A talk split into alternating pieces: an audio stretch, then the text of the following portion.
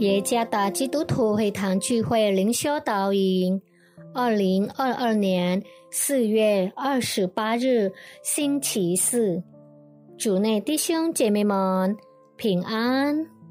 今天的灵修导引，我们会借着圣经诗篇七十一篇第十六到第十八节来思想今天的主题。神的同在直到永远。作者：以马内利牧师。诗篇七十一篇第十六到第十八节，我要来说主耶和华大能的事。我单要提说你的公义。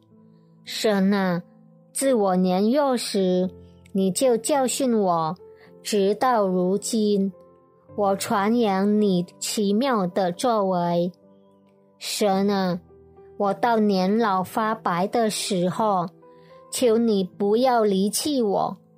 等我将你的能力指示下代，将你的大能指示后世的人。我不知道明天的道路，然而我的脚步坚定。太阳不是我所期盼的。因为太阳会消失，哦，我不担心未来。我与耶稣同行，心就得以安宁。这歌词是一首名为《神掌管》的属灵歌曲中的诗句，一首非常优美的歌曲。兼顾了基督徒继续不断与耶稣同行的信心，相信神所赐的保证，在生命的旅程中，他将永远不会离弃我们。这也是在今天所阅读的经文中，诗人所相信的。他确信神的同在是完美的。诗人祈求神，直到他年老发白的时候，仍然与他同在。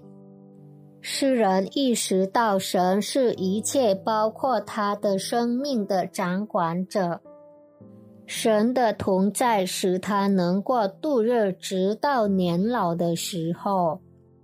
这成为诗人对神的渴慕。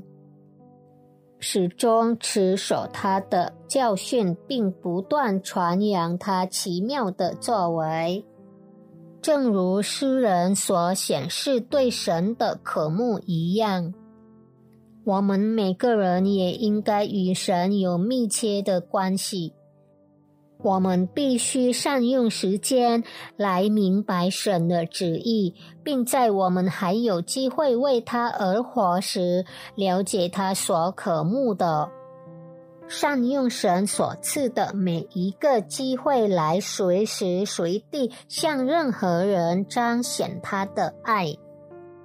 当神加添你的岁数时，就是一个见证神在你生命中的现实大爱的机会。